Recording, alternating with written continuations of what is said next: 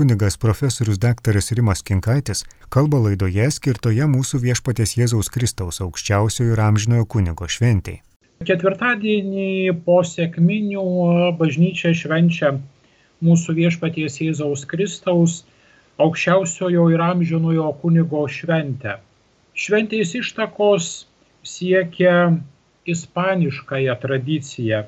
Ši šventė pirmiausiai plito ispaniškai kalbančių katalikiškų šalių teritorijose. Istoriniai šaltiniai liudyja, kad šitos šventės ištakos tai Ispanijos kontemplatyviosios Kristaus kunigo seserų oblečių vienuolyje. Vienuolyje, kuri daugiausiai meldėsi už kunigų ir kunigystės kandidatų šventėjimą. 1973 metais buvo nustatyta šios šventės vieta liturginėme kalendoriuje, tiksliau ketvirtadienis po sėkminių. Popiežius šią šventę patvirtino ir ją leido švesti įvairiose šalyse. Lietuvoje, Lietuvos viskupų konferencija šią šventę patvirtino ir įvedė 2013 metais vasario 20 dieną, o jau pradėta švesti jinai nuo 2014 metų. Taigi šios šventės akcentas yra Kristaus kunigystė. Kristus kaip aukščiausias ir amžinasis kunigas. Norint pakalbėti apie šios Kristaus kunigystės prasme, turbūt verta pažvelgti aplamai į kunigystės ištakas. Kunigystės ištakos siekia Senąjį testamentą. Kartais kai kam atrodo, kad kunigystė yra išskirtinai krikščionių tradicija arba kad kunigystė atsirado su Kristumi ir tai krikščionybės vaikas. Iš tikrųjų, kunigystė jau buvo ir iki Kristaus, laikotarpė iki Kristaus ir um, ne vieną šimtmetį. Taigi Senojo testamento kontekste mes jau žinome kunigystę ir jos tradicijas. Pabandykime šiek tiek plačiau pažvelgti į tas uh, kunigystės šaknis Senajame testamente. Senojo testamento kunigystės šaknys Levio giminėje, vienoje iš dvylikos Izraelio giminių. Po išėjimo iš Egipto išrinktai tautai, be įsitvirtinant pažado žemėje, Dievas Levijo giminiai suteikė privilegiją tarnauti jam Izraelio šventovėse. Levitai buvo išskirti iš kitų Izraelio giminių jie negalėjo, kaip kitos giminės, paveldėti žemę arba turėti tą medžiaginę nuosavybę. Jų paveldas buvo viešpats. Jie buvo pašaukti palaikyti ypatingą ryšį su juo. Levio giminiai priklausė kunigai, Aarono palikuonys. Levitams buvo skirta rūpintis Izraelio šventovėmis, o kunigai buvo pašaukti tarnauti priešais sandoro skrynę. Tad pažvelkime į kunigų ir levitų pašaukimą ir jų tarnystės specifiką. Ji gana aiški - žodžio tarnystė ir altoriaus tarnystė. Pirmiausiai reikia matyti levitų giminę. Levitai ir, kaip jau minėjau, kunigai būdami išskirtinė Dievo nuosavybė Izraelyje, turėjo labai konkrečią užduotį - Dievo žodžio tarnystė. Jie turėjo skelbti žodį savo tautai ir raginti, mokyti tautą tuo žodžiu gyventi. Žodžiu, jie buvo tarsi anų laikų pamokslininkai ir katechetai. Jų pareiga aiškinti su sandora susijusius įstatymus, žiūrėti, kad būtų atmenami viešpaties darbai, kad jie nebūtų užmiršti, kad jie būtų visuomet tautai žinomi. Taigi jie buvo savotiškai Izraelio tautos ir istorijos atminimo saugotojai.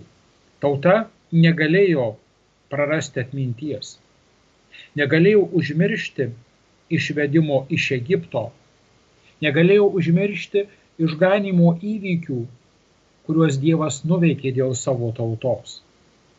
Ir tie įvykiai tai Dievo tautos susitikimas su Dievu prie Sinajaus kalno, ateimas į pažado žemę. Nesupraskime klaidingai, kunigai ir levitai nebuvo istorikai, nebuvo paprasčiausiai istorijos atpasakotojai. Jie ją raiškindavo. Amžinai šventai Dievo žodį jie pritaikydavo tautos gyvenime. Parodydavo žmonėms, kaip juo gyventi, kaip laikytis Dievo nurodyto kelio. Per didžiasias šventes - Velykas, Pascha, Sekmines - jie žmonėms primindavo įstabius Dievo darbus, atskleisdavo, kuo jie buvo tie darbai svarbus praeitie ir kodėl jie svarbus šiandien. Kitaip tariant, anksčiau nuveiktų Dievo darbų aktualumas dabartyje. Pavyzdžiui, jie mokydavo, kad Dievas išlaisvino iš vergyjos. Todėl mes šiandien taip pat turime būti jautrų žmonėms. Kadangi mes buvome vergai ir Dievas mus išlaisvino, tai ir šiandien mes turime būti jautrūs vargstančiam žmogui ir palengvinti jo dalę. Išvaduoti žmogų iš tam tikrų gyvenimo sunkumų. Kitaip tariant, kalbėdami apie švenčiamo įvykio specifiką, bandydavo moralinių pagrindų susijęti su dabartimi, kad žmogus atliepdamas Dievo veiksmą, tą veiksmą toliau praktikuotų pats asmeniškai.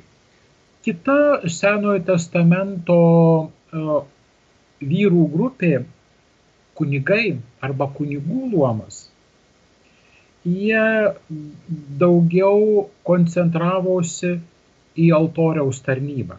Jie aukojo auką Dievui. Ir pagrinde tokios aukos aukojimas tai būdavo atgailos pobūdžio. Jie aukodavo Dievui skerdžiamąją auką, krūvinąją auką, kuri apvalydavo žmogų. Kitaip tariant, žmogus padaręs nuodėmę, jis galvojo, kad užsitraukė Dievo bausmę. Ir norint e, išpirkti savo kaltę, buvo nustatyta, kad kaltė išperkama paukojant auką. Tai yra paukojant arba tai paukštį, arba tai kažkokį gyvūną, jautuką, eiriuką, ožiuką, priklausomai nuo kaltės dydžio ir kalčių skaičiaus. Taigi žmogus tam tikrą prasme sudėdavo savo aukas ant gyvulio ir tas paskerstas gyvulys tarsi žūdavo nusidėlio vietoje, tokiu būdu išgelbėdamas nusidėlį. Tiesa, jeigu žiūrėtume dar į ankstesnį laikotarpį, auka nebūdavo krūvina, turbūt visi girdėję posakį atpirkimo ožys. Iš tiesų, kurį laiką Izraelyje žmonės turėjo tokią praktiką. Jie kaltes sudėdavo ant ožio ir išvarydavo į tyrus. Ožys tyruose paprastai žūdavo. Na ir žuvus tam ožiui žūdavo ir ant jo uždėtos žmogaus kaltės. Tačiau buvo pastebėta, kad kartais ožiai kažkaip tai išgyvendavo. Vadinasi, jeigu išliko gyvas išgyveno ožys, tai ir kaltės liko. Tada nuspręsta, kad vis dėlto norint kaltę sunaikinti, reikia gyvulį papjauti. Tai štai kunigo uždavinys buvo tarnauti šventykloje ir aukoti žmonių atneštas aukas. Šiandienos kalba šnekant, jie buvo savotiškai skerdikai. Žmonės juk nusideda kasdien. Daugiau ar mažiau ir ypatingai prieš šventes, norėdami šventę sutikti švarę sąžinę, žmonės plūsdavo Jeruzalę. Ir aukodavo gyvulius, kaip permaldaujama auka. Kunigas tą gyvulį paukodavo, taigi jis jį paskersdavo ir gyvulio kraują išpildavo ant altoriaus ir tas gyvulių kraujas nuvalydavo žmogaus nuodėmės. Tokiu būdu žmogus apvalydavo sąžinę, susitaikydavo su Dievu, atgaudavo tam tikrą prasme Dievo malonę. Kaip minėjau, kadangi nuodėmę žmonės turbūt pastoviai daro, tai ir aukas jie aukodavo Jeruzalėje pastoviai. Na ir kunigų luomas, jų tarnystė buvo aukų aukojimas. Taigi kunigas šiuo atveju turi tarpininko vaidmenį. Jis tarpininkauja sutaikant žmogų su Dievu. Jo tarpininkavimas yra pirmiausiai paukoti žmogaus paukotą auką, paskersti gyvulį ir tokiu būdu apvalyti žmogų arba kitaip sakant Dievo apvalymas žmogui ateidavo per kunigo tarnystę, kada jis aukodavo krūvinąją auką. Tai yra ir permaldavimo, ir atsiteisimo, ir apsivalymo auka. Ypatingą vaidmenį kunigų luome užimdavo vyriausiasis kunigas. Vyriausiojo kunigo viena iš tokių iškiliausių užduočių būdavo vieną kartą metuose, permaldavimo dieną, hebrajiškai vadinama Jom Kipur diena, įeiti į Jeruzalės šventyklos šventų šventąją dalį ir tenai ant altoriaus išpilant kraują, taip pat gyvulio kraują, prašyti Dievą atleidimo už visas per metus padarytas tautos nuodėmes. Tik vyriausiajam kunigui būdavo leidžiama įžengti į šventų šventąją. Ir tik tai vieną vienintelį kartą metuose, išliejus kraują ant altoriaus, buvo galima ištarti Dievo vardą Jahvė, prašant jį atleidimo už visą tautą. Ir aišku, kad vyriausias kunigas galėdavo tokią apeigą atlikti tik tai pirma pats apsivalęs, tik pirma pats būdamas visiškai švarus, nes kitaip auka būtų nepriimtina. Taigi būdavo didelė iškilmė ir vyriausias kunigas aukodavo šią auką tautos vardu ir už tautą, tokiu būdu prašydamas Dievą pasigailėjimo. Kitaip tariant, tautai patirti Dievo gerumą ir gailestingumą buvo įmanoma tik kunigų tarnystės dėka. Kokia prasme dabar Kristus gali būti laikomas kunigu ir vyriausiųjų kunigu?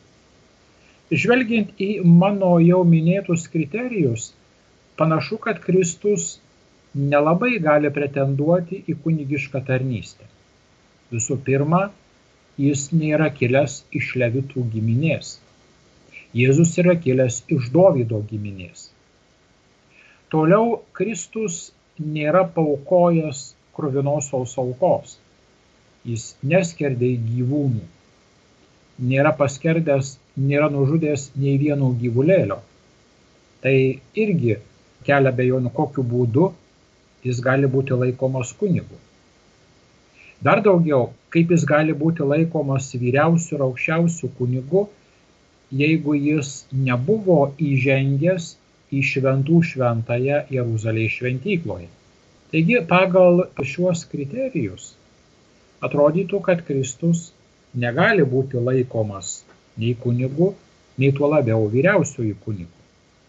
Tačiau, jeigu atidžiau pažiūrėsime į Jėzaus veiklą, pamatysime, kad jis vis dėlto ne tik gali, bet ir yra vyriausiasis kunigas. Taip, iš tiesų, Jėzus nėra paukojęs nei vieno gyvulėlio. Tai tiesa. Tačiau vis dėlto auka jis yra padaręs. Ir ta auka yra jo paties auka. Kruvinoji auka. Jis paukojo savo gyvybę. Jis paukojo savo kraują. Ir tą kraują jis realiai išliejo ant kryžiaus.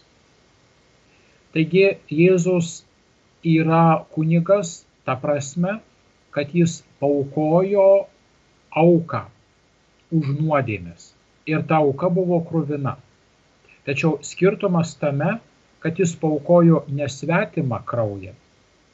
Ar tai būtų gyvūnų, ar tai žmonių kraujas, bet paukojo savo paties kraują. Ir kaip ir Senojo testamento kunigai, taip ir Kristus tą auką paukojo nuodėmims atleisti. Tik skirtumas vėl. Jėzus kraują aukoja ne už savo nuodėmes, bet už kitų. Tai yra už žmonių nuodėmes. Ir panašumas su vyriausiųjų kunigu yra tame, kad vyriausias kunigas, kaip jau minėjau kartą metuose, įžengdavo į šventų šventąją ir išliedavo gyvulių kraują už visas tautos tų metų nuodėmes. Jėzus taip pat paukoja savo kraują už visų žmonių nuodėmes, už visos tautos nuodėmes. Ir čia Kristus pranoksta Senojo testamento kunigystę, nes vyriausiasis kunigas aukodavo auką tik už žydų tautos nuodėmes. Jėzus savo kraują paukoja už visą žmoniją. Ne tik tai už išrinktosios tautos narius, bet ir už visą žmoniją. Vyriausias kunigas aukodavo auką, krūvinąją auką už visas tų metų tautos padarytas nuodėmis. Jėzus savo kraują paukoja ne už vienų metų nuodėmis, į savo kraują išlieja už visos žmonijos nuodėmes. Ne per vienus metus, per visą istoriją padarytas nuodėmes. Taigi ir už nuodėmes, kurias tauta padarė iki Kristaus per tūkstančius metų, ir už visas nuodėmes, kurias tauta padarys arba žmonija padarys per visą likusią savo istoriją tūkstančius ar gal dešimtis tūkstančių metų. Taigi Jėzaus auka yra beribė. Ji neapsiriboja laiku. Ji universali ir visuotinė. Jėzaus auka nėra skirta už konkretų žmonių skaičių. Ji skirta visai žmonijai, visiems žmonėms apvalyti ir nuteisinti visiems žmonėms pašventinti. Taigi ji visuotinė, universali, beribė. Toliau panašumas su Seno testamento vyriausiųjų kunigo tarnyste yra tai, kad jis, kaip minėjau, įžengė į šventų šventąją, į kurią joks kitas žmogus negalėdavo kelti kojos. Nors Jėzus į ten, į Jeruzalį šventyklos, šventų šventąją, fiziškai neįžengė, tačiau jis įžengė į Dievo tėvo šventovę. Tai mes švenčiame šeštinių šventę, Kristaus dangun žengimo šventę. Jis įžengė ne į žemišką Dievo šventovę, ne į žemišką Dievo padantę, pastatytą iš akmenų ir plytų Jėzus įžengia į švenčiausiosios trejybės buveinę. Jis įžengia į pačią švenčiausią vietą, kokia tik gali būti. Dievo tėvo artumą. Dievo tėvo dešinę. Ir ten Jėzus užžengia su savo prisimta žmogyste. Tai yra po įsikūnymo arba įsikūnijimu Jėzus kaip Dievo sūnus prisijima ir žmogiškąją prigimtį. Su visa mūsų žmogystė. Kūnu, su mūsų dvasia, jausmais, emocijom, potyriais ir panašiai. Toje žmogystėje jis išgyvena kančią ir mirtį. Jis išlieja fiziškai savo kraują. Ir štai dabar, kada Velykų rytą Dievas tėvas Jėzų prikelia, jį ne tik tai pašlovina žemėje, bet Dievas tėvas jį išaukština dieviškąją dangiškąją garbę. Leidžia Jėzui su jo žmogyste įžengti į Dievo tėvo erdvę, į šventų šventąją trejybės erdvę. Ir Jėzus ten įžengia su savo auka savo meilės auka, krūvinąją meilės auka. Taigi jis savo auką, krūvinąją auką užneša į treibės gyvenimą. Arba sakytume, įneša į treibės gyvenimą. Ir toji auka už viso pasaulio išganimą. O kadangi ši auka aukojama ne žmogaus, be Dievo sūnaus, ji turi universalią vertę. Ji turi absoliučiai visus žmonės išganančią vertę. Taigi Jėzus gali būti ir teisėtai laikomas kunigų ir vyriausiųjų kunigo dėl šių dviejų priežasčių. Pirmiausia, dėl to, kad jis yra tarpininkas, sujungiantis dangų ir žemę, Ir antra priežastis - dėl to, kad jis aukoja išganančią, žmoniją apvalančią, žmoniją nuteisinančią ir pašventinančią auką. Taigi kunigystė tai tarpininkavimas.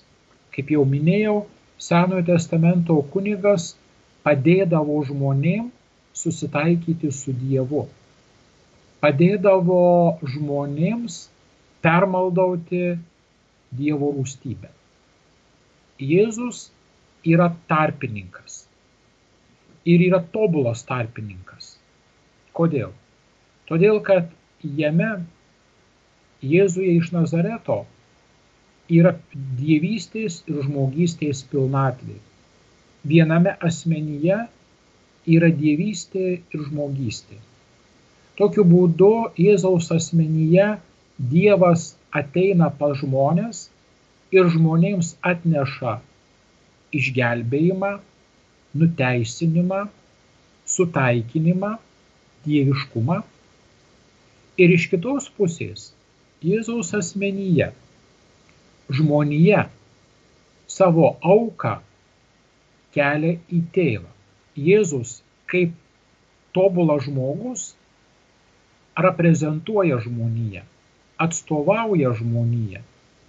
Jis tarsi apjungia, apvienyje žmonijos visas aukas, nuo paprasčiausios dvasinės aukos iki kančios, iki kankinystės, iki išlieto kraujo, visas kilnes aukas Jėzus apjungia ir kartu su savimi nukreipia į tėvą. O kadangi Jėzus yra Dievo sūnus, tai jo auka tėvui yra pati brangiausia ir priimtiniausia.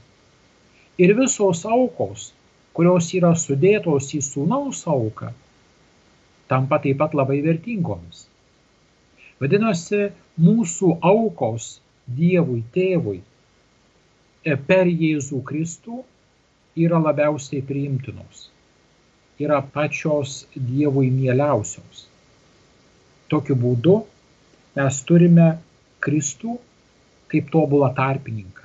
Jo dėka mūsų auka, bet kokia auka Dievui tampa primtina ir mums palaiminga. Iš kitos pusės, Jėzaus asmenyje Dievas tėvas tą mūsų jam skirtą auką priimdamas mus nuteisina pašventina, mums siunčia savo malonės ir savo palaimą. Šventajame rašte, Naujajame testamente, laiškiai žydams sakoma, penktas skyrius pirmą eilutė. Juk kiekvienas vyriausiasis kunigas imamas iš žmonių ir skiriamas atstovauti žmonėms pas Dievą, kad atnašautų dovanas ir aukas už nuodėmės. Taigi mes turime tobuliausią tarpininką. Ne žmogų, bet Dievą ir žmogų viename, kuris žmoniją atstovauja prieš Dievą ir kuris aukoja mūsų aukas Dievui, kad jos mums būtų išganingos. Toliau kalbėjom apie tai, kad Senajame testamente į šventų šventąją įžengiantis vyriausiasis kunigas turėdavo būti švarus, turėdavo būti šventas, nekaltas, tyras, apsivalęs. Tik tokiu būdu Dievui aukojama auka už tautą galėjo būti Dievui priimtina. Senajame testamente, taip pat jeigu kalbėtume apie aukų aukojimą, tai yra gyvulių aukojimą, būdavo keliami tam tikri reikalavimai, kad už nuodėmės Dievoje aukojamas gyvūnas negalėjo būti sužalotas, negalėjo būti sergantis, negalėjo būti neprižiūrimas. Kitaip tariant, gyvūnas arba auka turėjo būti be kliaudos. Jis turėjo būti savotiškai tobulas. Todėl kunigai apžiūrėdavo gyvūnus ir jeigu jie būdavo arba netinkamai įmitę, arba sužaloti, ar dar kažkokiu defektu, tokios aukos jie neaukodavo. Tai štai Kristus yra šiuo atveju tobulas. Jis yra tobula auka, nes jis yra Dievo sūnus. Jis dar vadinamas Dievo avinėliu. Dievo avinėliu, ta prasme, kad jis yra nekaltas, jis be kliaudos, jis be nuodėmės ir nuodėmės šešėlio. Būdamas Dievo sūnus, jis yra tobulai Dievas ir šventas savo prigimtimi. Ir būtent šis avinėlis, kaip tyriausias avinėlis, yra tobuliausia auka Dievui. Be to, ir Jėzaus žmogiškoji prigimtis yra tobula. Mes kalbėjom, kad vyriausias kunigas turėdavo atgailoti ir apsivalyti, kad galėtų tą dieną įžengti į šventų šventąją šventajai aukai. Jėzus buvo šventas iš prigimties. Jam nereikėjo apsivalymo, jam nereikėjo nuodėjimo atleidimo. Jis būdamas Dievo sūnumi buvo tobulai šventas jis buvo idealus žmogus. Taigi ir šią prasme Jėzus yra tobulas kunigas, nes tobulas savo šventumu. Tai irgi mini e, Naujojo testamento laiško žydams tekstas. Ten sakoma, cituoju.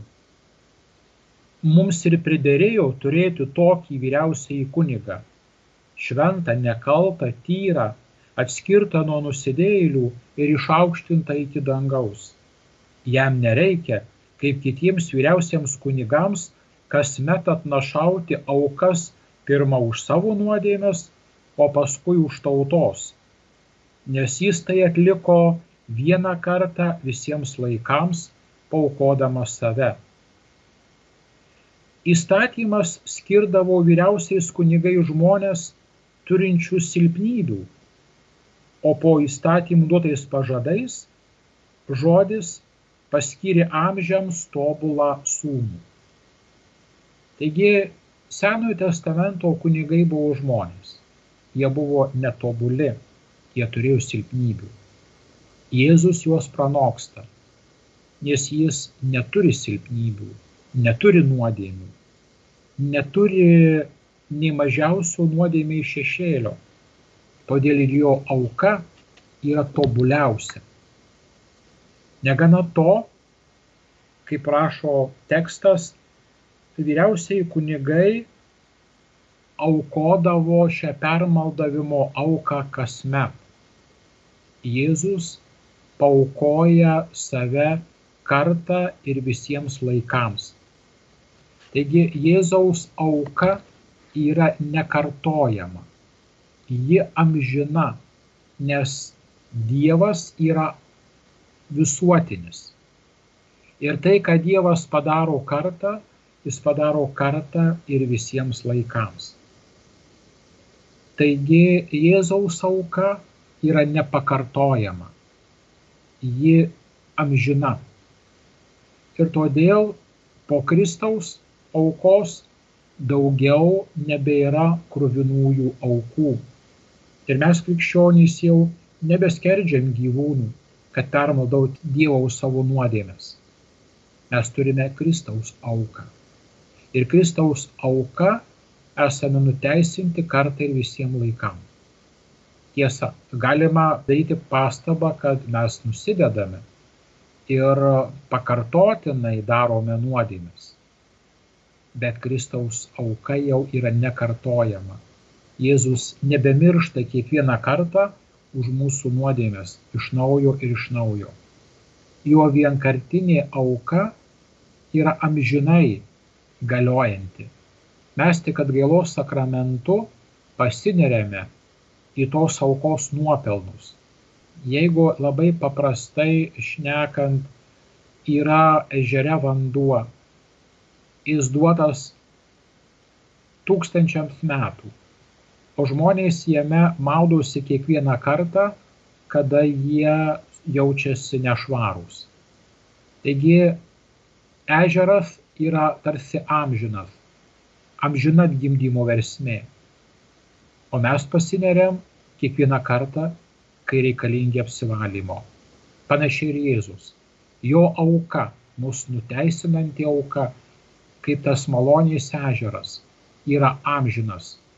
Ir kiekvieną kartą, kai padarome nuodėmę, mes pasinerėme per atgailos sakramentą į šią išganingą versmę ir tampame švarūs, atgimstame atsinaujiname, patiriame nuteisinimo malonės. Taigi Kristus šiuo atveju pranoksta žmogiškąją kunigystę, Senojo testamento kunigystę. Jis tobulai, tobulai atlieka tarpininko, aukotojo ir aukos savinėlio tarnystę.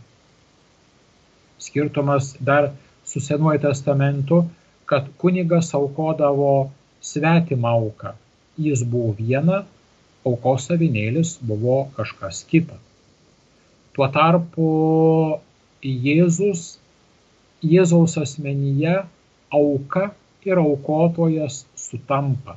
Jis neaukoja kažką vietoj savęs, jis paukoja save. Taigi jis yra ir kunigas, ir auka, ir aukotojas, ir aukos savinėlis. Viskas vienu metu. Taip pat reikia pastebėti, kad Jėzus praplečia Senojo testamento kunigystę. Į Senojo testamento kunigystę įėjo Dievo šlovinimas ir auko aukojimas, tarpininkavimo funkcija. Jėzus šį kunigystės modelį praturtina dar pranašo ir ganytojo tarnystėmis. Jis, kaip kunigas, skelbia Dievo žodį. Jis uh, aiškina Dievo žodį. Jis tarsi pranašas, kviečia žmonės išgirsti dieviškąją tiesą, ją priimti, ją gyventi. Negana to, jis kaip vyriausias kunigas yra tas, kuris rūpinasi žmonijos išgelbėjimu, žmonijos ateitimi. Taigi Jėzuje kunigystė turi tris aspektus. Jis kunigas kaip ganytojas, besirūpinantis savo tautą ir vedantis ją į amžinybę, į dangiškojo tėvo namus. Jis yra pranašas, arba mokytojas, skelbiantis Dievo žodį, jį aiškinantis ir kviečiantis tuo žodžiu žmonės gyventi, jis yra pašventintojas savojų krauju, savaja auka, nuvalantis, nuteisinantis, pašventinantis nuodėmės suteptą savoją tautą. Taigi jis atlieka tą trigubą tarnystę ir yra šiandieninės kunigystės modelis. Kiekvieno kunigo žmogaus kunigiškoji tarnystė kaip pavyzdį turi Kristų, vyriausiai kunigą. Ir kunigiškoji tarnystė kaip kunigiškosios tarnystės modelis yra Kristaus asmuo, jo tarnystė. Todėl žemiškoji tarnaujančioji pašventintų asmenų kunigystė yra nekas kita kaip Kristaus kunigystės aktualizavimas, išplėtojimas laike. Arba yra tai, per ką regimų būdu neregimasis Kristus toliau atlieka savo kunigišką tarnystę. Per pašventintuosius asmenis, kunigus ir vyskupus, Kristus toliau savo meilės auką pratęsia laike, pratęsia istorijoje, per jį vyksta Dievo ir žmogaus susitikimas, per pašventintų asmenų tarnystę Kristus įkūnija savo tarpininkavimą, sujungiantį dangų ir žemę, Dievą ir žmonės. Kitaip tariant, ta sandora, kuri buvo sudaryta jo krauju, dabar yra pratesiama laike, istorijoje iki pasaulio pabaigos. Todėl Kristus yra nepakeičiamas. Yra nepakeičiamas tarpininkas, nes jis sujungia dangų ir žemę jis mus atstovauja prieš Dievą tėvą, jis meldžiasi Dievui tėvui kaip kunigas už visą žmoniją. Ir štai tokios maldos gražiausias pavyzdys yra jo malda paskutinės vakarienės kambaryje. E, čia Jono Evangelijoje Jėzus taip sako, pakėlęs akis į dangų prabilo, Tėve, atėjo valanda, pašlovink savo sūnų, kad ir sūnus pašlovintų tave ir tavo duota galiai visus žmonės teiktų amžinai gyvenimą visiems, kuriuos jam esi atidavęs. Taigi ši Kristaus kaip aukščiausiojo kunigo malda, nukreipta paskutinės vakarienės metu į Dievą Tėvą, jie apima visus laikus. Ir tai virš laiko iškylanti malda. Jėzus šlovina tėvą tą šlovę, kurią pats nuo amžių turėjo pas tėvą. Jėzus meldžiasi už tikinčiuosius, esančius pasaulyje, esančius laike ir šiandienoje ir ateityje. Jis pranišiškai meldžiasi ir už ateitį, kuomet krikščionys bus išbandomi abejonėmis, susiskaldimu. Jis prašo išlaikyti visus tuos, kuriuos tėvas jam pavedė, vieningus ir ištikimus. Jis meldžia vienybės. Taigi ši Jėzaus malda tai amžina malda už kiekvieną žmogų. Tai giliausio Jėzaus rūpešio bei meilės tėvui ir žmonėms išraiška ji nepraranda savo aktualumo. Šita malda yra amžina. Jėzus atstovauja mus, žmonės, prieš Dievą. Jis mus užtarė. Jis mus palaiko. Jis meldžia malonių. Todėl ši malda yra tobuliausia malda. Negana to, Jėzus įžengęs pas tėvą, Dievo tėvo dešinę, ten mus užtarė, ten mus palaiko. Kiekvieną iš mūsų iki pasaulio pabaigos. Kad galėtume ir mes pasiekti trybės gyvenimą, kad galėtume pasiekti išganimą, kad galėtume būti amžinai su Dievu tėvu, su visa švenčiausiaja trejybė. Taigi, kad mūsų malda, mūsų auka nebūtų beprasmė, Jėzus ateina kaip kunigas.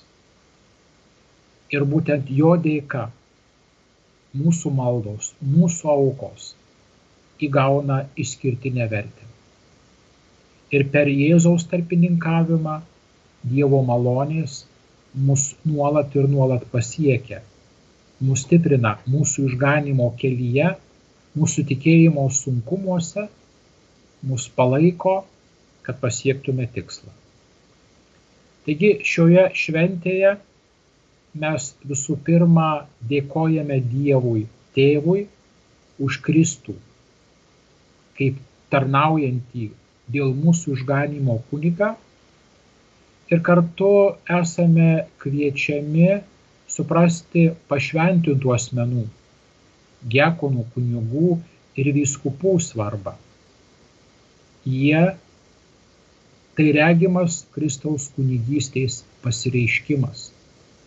Tai regimas Kristaus veikimas vardan mūsų išganimo.